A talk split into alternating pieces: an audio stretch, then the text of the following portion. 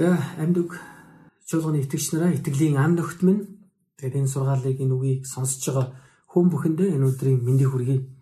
Тэгээд өнөөдөр бид нар эзний энэ гайхалтай өдөр түүний үгийг сонсох боломжтой байгаа юм тэгэхээр талархах хэрэгтэй. Тэгээд өнөөдөр өглөө би бол жоохон өрмөц хийх гэж бодоод гадаа э, бичлэг хийх гэж оролдлоо. Тэгсэн нэг 5 10 минут болоод даарад хоолой сэрвнээ сүлдээ ингэ жоохон эвгүй болоод зү хэд хэд удаа оролдоо тэгээс үлдээ би баярлалаа заа заа байли. Байр маяраас сорил байшлаа сольж хүмүүстэй сонирхолтой байдлыг үзүүлэх гэсэн биш үлдээ өөр ингээд ханаа том тусчихгүй гэсэн юм мэдрэмж аваа тэгээд байсан байна. Тэгээд одоо би гэрээсээ та бүхэндээ энэ үгийн цагийг бэлдсэн байна. Өнөөдөр хэдүүлээ эзний рүү анхаарлаа хандуулахаас өмнө бичсэн зарлыг хүлээн авъя. Тэгвхээр энэ жилийн хайрын мянган бэлгийн аян маань үргэлжлэнэ, явнаа. COVID-19-оос болоод энэ энэ харин мянган бэлэг эзний мэндэлсийн баярс оруулсан олон мянган хүүхдүүд олон зуун мянган хүүхдүүдэд бид нэр өгдөг энэ бэлгийн аян маань явагдах болов явагдахгүй болов гэдээ янз бүрийн асуултууд байсан байхаа. Тэгээд өнгөрсөн дөрөвд өдөр манай чуулганы өдөр төгсөөл маань хуралдаа шийдвэр гарсан байгаа. Ихэр энэ урд нь явагдчихшээ, урдныхтай адил явагдана. Тэгээ нэг янз бүрээр хүмүүс бас саналудаа солилцсон байгаа юм.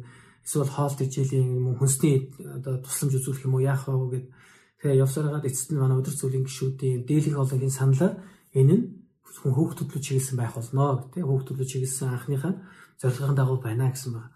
Тэгэхээр энэ жилийн мянган биеийн аян маань одоо өнөөдөр энэ бүтэн зайдаас эхэлж нэг чинь тэгээ 7 онослон та нар онлайнаар зумынхаа данслуу хайрын мянган бэлэг тий одоо за хайрын урттай дахин зүгээр мянган бэлэг гэд та нар гүйлгээний утган дээр тодорхой бичээд энэ үйлчлэлд оролцоорой гэж та бүхнийг уриалж байна. Тэгээд 12 сарын 23 хүртэл бид мөнгө цуглуулад 23 24 бэлгээ аваад 25-нд би гаргаж тараах болно. Тийм учраас та бүхнийг уриалж байна.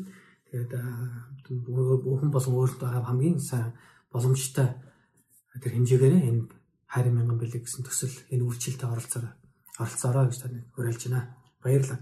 За бүгд хамтдаа залбираад эзний үгнээс анхаарал суралцсаа болно. Хамт залбирцгаая. Бидний агуу хийсэн минь танд баярлалаа. Энэ сайхан өдрийн төлөө талархаж байна. Та өөрийн хайр инэл өөрийн нэгүслийг та бидний дээр буулгаж байгаа танд талархъя. Өнөөдөр та өөрийнхөө үгээр дамжуулж биднийг урамшуул, зоригжуулж бидэнд бас хүч чадал болон мэрэгүү ухааныг өгөх болтугай. Таны үг биднийг бас зэмлэж ухаарлыг тэр жинхэнэ үнэн ухаарл гимшлийг бидэнд өгөх болтугай. Есүсийн нэрээр залбирч. Амен. За өнөөдрийн бидний суралцах сэдв юу гэхээр Каянаас суралцах гэж. Та Каяныг санаж байгаа юм.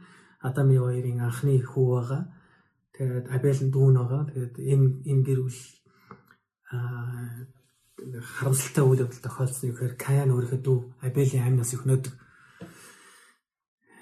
Тэгээд хүн төрлөختний анхны хүн амны гэмтэр гарсан үйл явдал л да. Тэгээд Каянаас юу сурах юм бэ? Хүний амийг бүрлэхээ сурах юм уу? Үгүй ээ. Бид нэр Каянаас ямар хүн байж болохгүй гэдгийг суралцсан өнөөдөр.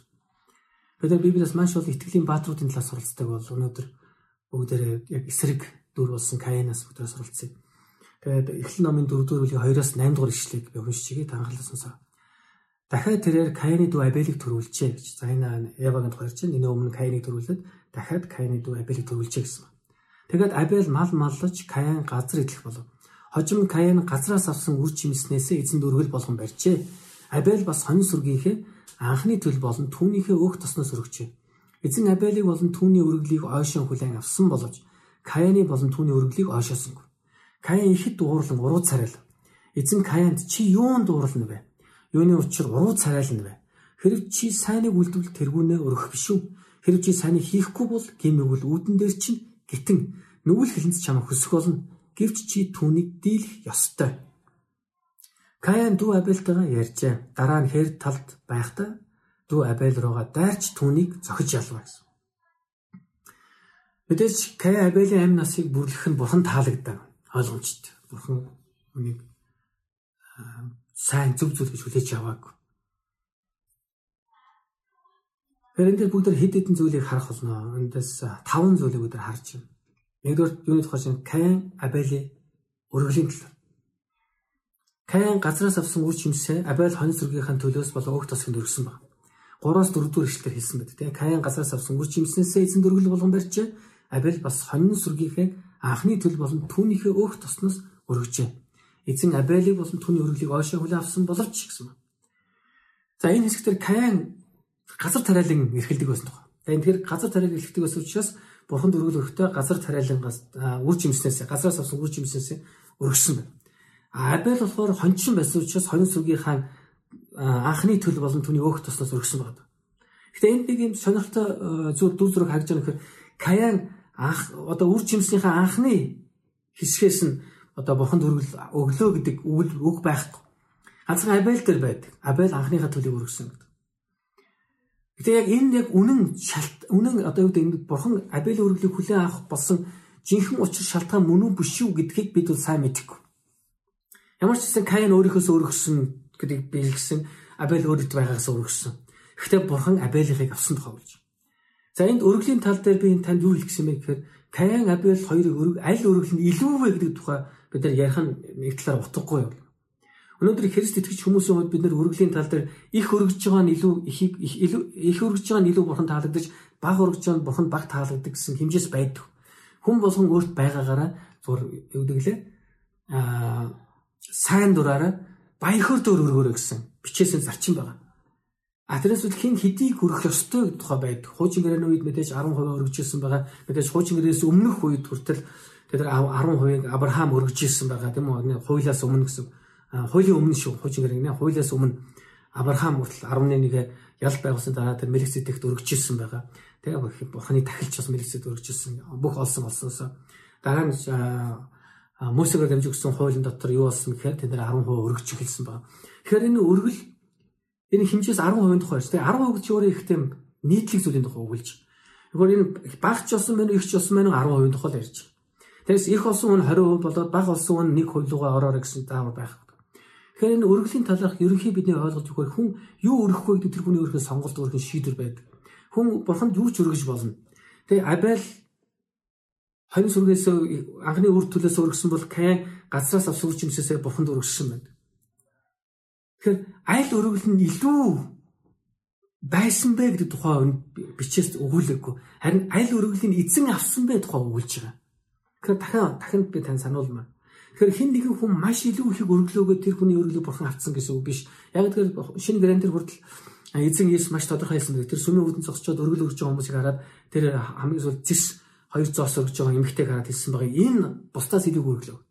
Яг л бусд нь илүү гаргаснаа өргөж ирсэн бол энэ амжилгааныхаа мөнгө өргөсөн юм а гэж. Амь зулгийнхаа мөнгөс өргөлөө гэсэн байдаг. Тэгэхээр тэнд хин илүү өргөсөн бай гэдэг дээр эзэн ач холбогдол өгөөгүй. Харин хин юунаас өргөсөн бэ гэдэг дээр хүмүүс илүү гарсан зүйлээр өргөжсөн бол харин тэр билүүсэн эмэгтэй өөрт байсан амь зулганаас өргөжсөн байна. Бурхан Есүсний хараад энэ хүн бусдаас илүү өргөсөн юм а гэж хэлсэн. Тэгэхээр энэ Каин Абелийн өргөлийн тухай ярих үед яг хүн болгон янз бүрээр тайлбарлаж болох юм да. Абель нь анхныхаа өргөсөн Каин магадгүй анхныхаас өргөөг учраас бурхан таалагдаагүй гэж хэлж болох юм. Гэтэ яг энд бас яг тодорхой юм байхгүй. Яг юу хэлсэн гэхээр зүгээр бурхан Абелхыг авсан тухай ярьж байна. Тэгэхээр нэгдүгээр Каин ба Абелийн өргөл. Хоёрдугаар бид эндээс юу харах вэ гэхээр бурхан Абелийн өргөлийг таалж Каины өргөлийг таалсангүй тухай болж байна. Дөрөвс тавдугаар эшлэлээр. Эзэн Абель болон түүний өргөлийг ойшин хүлээн авсан боловч Каиныг болон түүний өргөлийг ойшоосонгүй. Тэгэхээр бурхан шийдвэр гаргаж чинь сонголт хийж. Хоёр Адам Ева хоёрын тэг Бурхны анх бүтээсэн хүний гэр бүлийн анхны хоёр хүүхэд нь Бурханд өөрсдийнхөө өргөлийг авчирсан байна.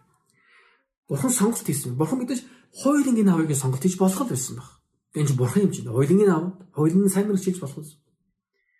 Гэтэл Бурхан нэгийг сонгосон байна. Би Абелийн өргөлийг авнаа гэж. Тэгэхэд Абелийн Абелийг болон түүний өргөлийг ойшоосон тухай өгүүлж. Тэгээ Каян болон түүний өргөлийг ойшоогоогүй тухай ярьж. Гэхдээ энийг бид нар дараа дараагийн өгүүлбэрүүдийг ишлүүдийг харах юм бол яагаад Каиныхыг Каяныг болон Каины өргөлийг ойшоогоогүй талаар бид илүү ойлголттой болох боломж байгаа. Юу гэхээр дараагийн хэсгэнд юуны тухай өгүүлж байгаа нөхөр Каян өргөл нь хүлэн авагдаагүй төлөө ууралсан тухай өгдөг. Каяны өргөл хүлэн авагдаагүй энэ бурхны сонголт Бурхны сонголтыг хүлээн зөвшөөрөх нь Бурханд итгэж байгаагийн маш том илэрхийлэл. Тэгэхээр бид нарт хүн болгон өөр өөр амьдралтай байгаа. Хүн болгон одоо жишээл сүмийн пасторууд амьдрал өөр өөр, үйлчлүүд нь өөр өөр тийм үү? Аа итгэжтийнх нь амьдрал бас өөр өөр, олж байгаа орлого нь өөр өөр янз бүр байдаг. Энийг бид нар бүгдийг яг нэг адилхан зүйл болгож бодож болохгүй. Бид нар бүгдийг адилхан харьцуулж болохгүй. Би адилхан пастор чинь ягаад надаас илүү эсвэл надаас дутуу байгаа юм гэж. Эсвэл би адилхан итгэж мөртлөө миний бизнес ягаад ингээ амжилттай болохгүй хаад энэний бизнес амжилттай байгаа. Ингэж харж болохгүй маа. Яг ингэж боднод бол итгэлгүй байгаа. Тэгээс бид бурханд итгэж чаддгүйгээсээ л болж ер нь бол бурханд бүрэн итгэлээ тавиагүйгээсээ л болж бид нар бусдтай өөрийгөө харьцуулж эхэлдэг байна. Энэ надаас илүү амьдраад байна. Илүү хүртээд байна. Энэ илүү аваад байна. Оо энэ өстө залтай энэ аргатай л гэдэг байна Тэр хүн арга залтай байна уу? Энэ бол үнэхээр энэ бол таны асуудал биш ээ. Энийг бурханд орхих хэрэгтэй. Харин юу таны асуудал гэж та бурханы сонголтыг бүрэн дүрэн хүлээн зөвшөөрч байгаа юм. Яг адилхан итгэлийн хоёр хүн адилхан бизнес эхлэхэд нэг нь эвэгдээд ирэнгүүт таны дотор энэ хүн яагаад эвэгдээд ингэсэн хорсол эсвэл одоо үл хүлээн зөвшөөрөл байна уу эсвэл эзэн та хүнийг ивэдэг. Тэгээ хэдийгээр минийх энэ хүнийг тарьцуулсан хангалттай их ашигтай биш байгаа ч эзэм нь ямар ч гэсэн өглөө болгон би хийх бизнестэй байгаадаа таларч байна гэсэн сэтгэлтэй байх. Энд би нэг шок оногоо хэлж өгье л да. Та нар зөндөө нь сонсч ирсэн. Нэг хоёр бизнесмен байсан. Хоёр номын биш дэлгүүрийн эзэн өөдөөдөөс харсан. Гэсэн нэг дэлгүүрт нь хүмүүс маш их олноороо үйлчлүүлж ирсэн байна. Дандаа хүмүүс орж үйлчлүүлдэг. Илүү их орлого ашигтай байсан. А нэг дэлгүүрт нь болохоор цөөн хүмүүс хамаагүй цөөн хүмүүс ордог байсан. Гэтэл яасан гэхээр тэр баг орлоготой байсан дэлгүүрийн эзнийг унтж явах үед нь тэнгэр илж ирсэн. Тэгээд тэнгэр илж ирээд түнд хэлсэн баг. За бурхан чамд өөрийнхөө тааллыг болгож байна. Чи хүссэн чи юу дуртай хүс. Харин чиний хүссэн болгон хоёр дахин илүүгээр чиний хөрш дэлгүүрийн эзний амьдралд нь тохиолдох болно гэсэн. Тэгээд чи юу хүсэж байгаа хэлээ гэсэн. Тэгсэн энэ дэлгүүрийн эзэн энэ орлого багтал дэлгүүр эзэн юу гэж юу хүссэн гэж миний нэг нүдийг сохолж өгөөч гэсэн байна. Тэгээ мэдээж нэг хоёр дахин нөгөө хүний амьдрал билэгдэ нөгөө хүнийх нь хоёр нүдэн сохлоно гэсэн үг шүү дээ тийм үү. Тэгэхээр энэ ийм өчүүхэн хандлага өнөөдөр бидний дунд байх нь харамсалтай юм. Энэ бол бурханлаг хандлага биш. Энэ хэзээ ч Христ сэтгэлгээ биш.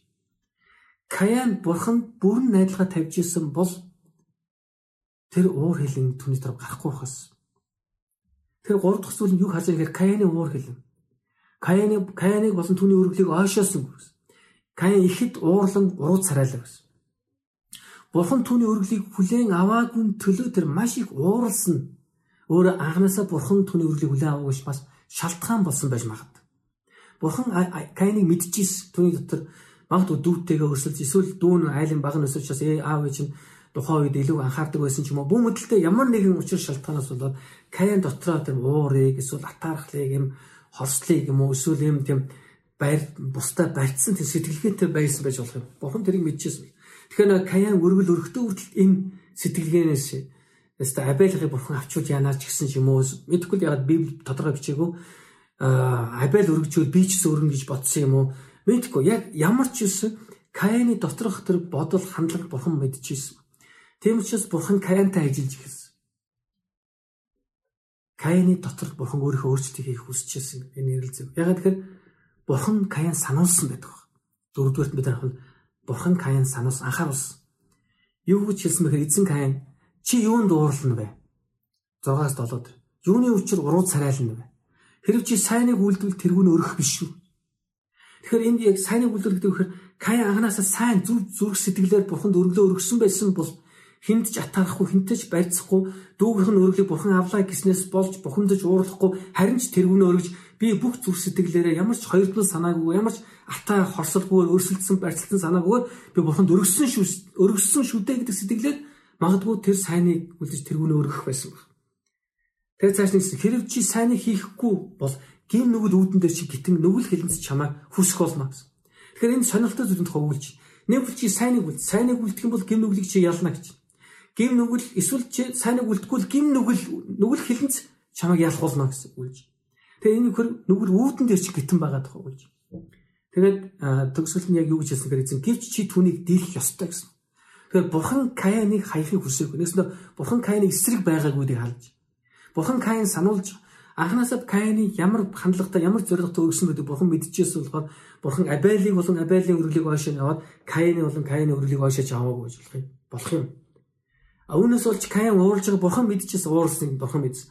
Гэхдээ бурхан Каянд юу гэж хэлсэн гэхээр "Эй Каян хүү минь ээ. Чи сайныг үйлдвэл тэргүй нөгөрнө. Чи сайныг хийхгүй бол гим нүгэл чиний үүдэн дээр чинь байна. Нүгэл хэлэнц чамаа хүсэж байгаа. Чамаар нүгэл хэлэхэд бол ихтэй чи дийлэх ёстой шүү гэсэн.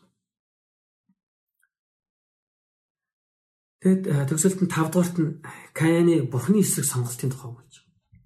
Каин дүү Абельтайгаа ярьжээ. 4 8 дугаар шилд. Дараа нь хээр тал байхдаа дүү Абель руугаа дайрч түүнийг зохиж алваа. Каины сонголт бол бусдыг буруутгахаас төрсөн. Магадгүй хэрв Абель байгаагүй байсан бол миний өрөглийг бурхан авах байсан гэж бодсон юм бэл. Тиймээс Абель энд буруутай гэж үзсэн байна. Энд бурхан өөрийнхөө сонголтыг хийсэн тухай яриаггүй. Бурханд нөлөөлсөн хүний тухай бодоод байна гэсэн. Үүндээ бидний хинж бурхан нөлөөлж чадахгүй. Бидний хинж бурхан нөлөөлж чадахгүй. Бурхан нэгэн сонгосон бол нэгэн шийдсэн бол бурханы шийдвэрд хинч хөндлөнгөөс нөлөөлөх боломжгүй тэр бүтээгч учраас. Маш олон хүмүүс заримдаа яг ийм Каин шиг юм хандлагатай байдаг. Яагаад энэ ингэж илүү авах ёстой гэж, яагаад энэ илүү хүртэх ёстой гэж. Би энэс илүү хөдөлмөрлж шít, би энэс илүү зовж шít, биний би энэс илүү зүтгэж байгаа мөртлөө яагаад энэ илүүг аваад би багыг авах ёстой юм гэж. Санаж байгаа бол сургаалт зөвлөл дээр эзэн бас маш тодорхой хэлсэн байдаг. Сургаалт зөвлөл дээр юу гэж хэлсэн бэ гэхээр тэр тарайн талбайд ус үзмийн талбайд ажиллах ажиллах хүнийг хайсан эзний тухай үгс. Тэр тарайн талбай эзэн гадаа явсан гото хүнийг чи манад ажил би нэг дэ нар үе ажиллас. Өдөөсөө гараад чи манад ажил би нэг дэ нар үе ажиллас. Дараа нь яг ажлын цаг дуусгаас өмнө тэг нэгхэн цаг ажилласан хүнийг дуудаад ажиллах боломжтой хүнийг дуудаад чи ирээд ажиллаа тэг би чам нэг дэ нар гэсэн. Дараа нь өглөөнөөс орой хүртэл ажилласан хүн гомдолдог үстэй. Та шудраг болсон. Ягаад гэхээр би өглөөнөөс орой хүртэл ажиллаад нэг дэ нар авч явах. Энэ зөвхөн нэгхэн цаг ажиллаж нэг дэ нар авч яаш тэгж гомдолдог. Эзэн тэр тарийн талбай эзэн юу гэж хэлсэн бэ? Би өөрөө тохирсноор л өгч байна гэсэн. Би чамд нэгийг ус нэгийг л өгч, би энэ хүн нэгийг нэгийг л өгч байна. Тэр өнөөдөр яг ийм хандлагатай бид нар Христ итгэл дотор амьдрах боломжгүй юм аа. Бид нар хин нэгэн хүн надаас надаас бага ажилладаг юмдаас надаас илүү хിവэрдэд байна гэсэн хандлага өөрөө эрүүл хандлага биш. Мөн миний амьдрал тохиолж байгаа бэрхшээл золон бүхэн хин нэгний алдаанаас болж байгаа гэж бодох нь өөрөө бас эрүүл явдал биш. Абелээс олж үнэхээр Каян бурхан тоогдоогүй. Үгүй. Бурхан Абель Каян хоёрын хуулингийн харж ирсэн, хуулингийн зүрсэглэл мэдчихсэн. Магадгүй тухайд Каяныхыг авсан бол Абель ингэж хэлэх боломжтой гэм зүрсэл түнээсэн байхаа. Бурхан минь ахын минь үргэлж авсан баярлаа гэж хэлв. Харин Каян юу гэж хэлвэсэн гэж харж байгаас Абель минийхийг л авч байгаа үстэй. Ийм л байдаг байхгүй гэж хэлвэсэн байна. Гэтэл Бурхан Абелийн үргэлгийг авах үед Каян Бурханд уурлсан. Гэхдээ өнөө Бурханы эсрэг юу ч хийж чадахгүй учраас түүний дэрэгдсэн өөрийнхөө дүүг ийг үтгсэн. Амин. Өнөөсөн. Өнөөдөр бүгдээрээ ингэж амьдрах юм уу? Өнөөдөр бид нар итгэлийн хүмүүс гэж нэрлж ярьж байгаа хэрнээ бусдыг өөрийнхөө амьдралын буруутан болгож тэднийг бид нар хөнөөж амьдрах юм уу? Тэднээс бид өш шонсон авч амьдрах уу? Энэ бидний амьдралын зорилго мөн үү? Энэ зорилгын дагуу бид нэр биднийг бурхан бүтээсэн үү? Яг л Библиэд гэдэг өшөө хавч нь би юм гэж бурхан хэлсэн байдаг. Бурхан л царинаас өшөө хавч нь. Харин биднэрт бурхан юу гэж хэлсэн гэдэг та нар би нэг хайрал өстөн дайснаа хүртэл өрөвдөн хайрлаарай гэж хэлсэн байна. Түүнд бурхан Абель биш Каянд бурхан танд миний өргөл таалагдаагүй ч бүх зүйлийн төлөө тань талархаж байна гэж хэлэх тэр даруй зан итгэл байгааг. Өнөөдөр би итгэлийн хандлагт би та нарыг уриалж. Өнөөдөр бидний амьдрал ямар ч байдлаар болох юм. Бидний дотор янз бүрийн олон зөрчилдөж байж болох. Гэхдээ бурхан талархаж амьдраарай. Зарим хүмүүсийг хараад тэд нар одоо хөлсөө баг туслуулсан хэрнээ их олж байгаа хөлсөө их туслуулад байгаа танаас олж таны олж орлоо шин баг байгаа харьцуулаа та гомдолж байгаа бол бити гомдлоор зүгээр л бурхан талархаарай. Үндэ Каин өөрийгөө ичгүрт орлоо гэсэн бардам зангаасаа болж дүүгийнхээ эсрэг гэр бүлийнхээ эсрэг бүр бурхны эсрэг шийдрүү гаргадаг гэсэн. Тэр хүний бардам зан бие тоос эсвэл өөрийгөө хамгийн гол хүн гэж бодох бодол ямар аюултайг харуулж. Каин яг тийм л бодол. Тэр өөрийг магадгүй өөр айн том учраас бурхан нь бүх өргөлийг авах ёстой гэж бодож ирсэн байна. Бүх хүмүүс түүнд хамгийн сайн хандах ёстой гэж бодож ирсэн байна. Түүний залбирал бүхэн заавал хариулагдчих тийм гэсэн хариултыг авах ёстой гэж бодож ирсэн байна. Яг тэрний бодсноор бүхэн болоогүй учраас тэр өөргөө ичүүрт орлоо гэж. Магадгүй тэр аав ээжтэй бие өглөх юм. Хүн босод ерөн танд хүмүүс бие өглөх. Дүүгийнхаа дор орчлаа гэж хүмүүс намайг даапаална. Хин чиш болчлоо гэж хүмүүс намайг шоолно. Чи сүрсэн гэж хүмүүс намайг буруутгах гэж айлгана гэж тэр батсан бол. Өөрийгөө ичгүрд орлоо гэсэн бардам зангаасаа болж гэр бүлийнхаа эсрэг дүүгийнхаа эсрэг бурхны эсрэг шийдэл гарч. Тэгээ итгэлийн хандлагатай би та бүхнийг эзний нэрээр бас эзний үгээр бас ятгаж урамшуулж өөрийгөө бусдад бити харьцуулж байгаа. Хизэж бүх харьцуул та олон дэлхий дээр цорын ганц. Мөн бусдын ивэлт хизэж бүш хунжаагаар атаарч байгаа. Хүн хүмүүс ямар машинаар, ямар байраар, ямар орлогоор ивэгдэх нь бурхан тэр хоёрын хоорондын асуудал.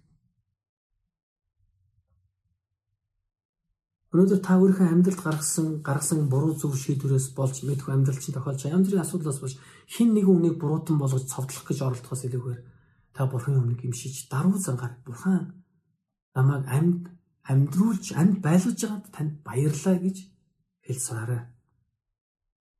Эндээс бид юу сурах вэ? Бурханд итгэх гэдэг бол бүх зүйлийн төлөө түүнд найдах юм а гэж. Үнэхээр Каин бурханд найдаж бурханд итгэж ирсэн бол бурхан түүний өргөлийг аваагүй төлөөчсөн бурхан найдах байсан.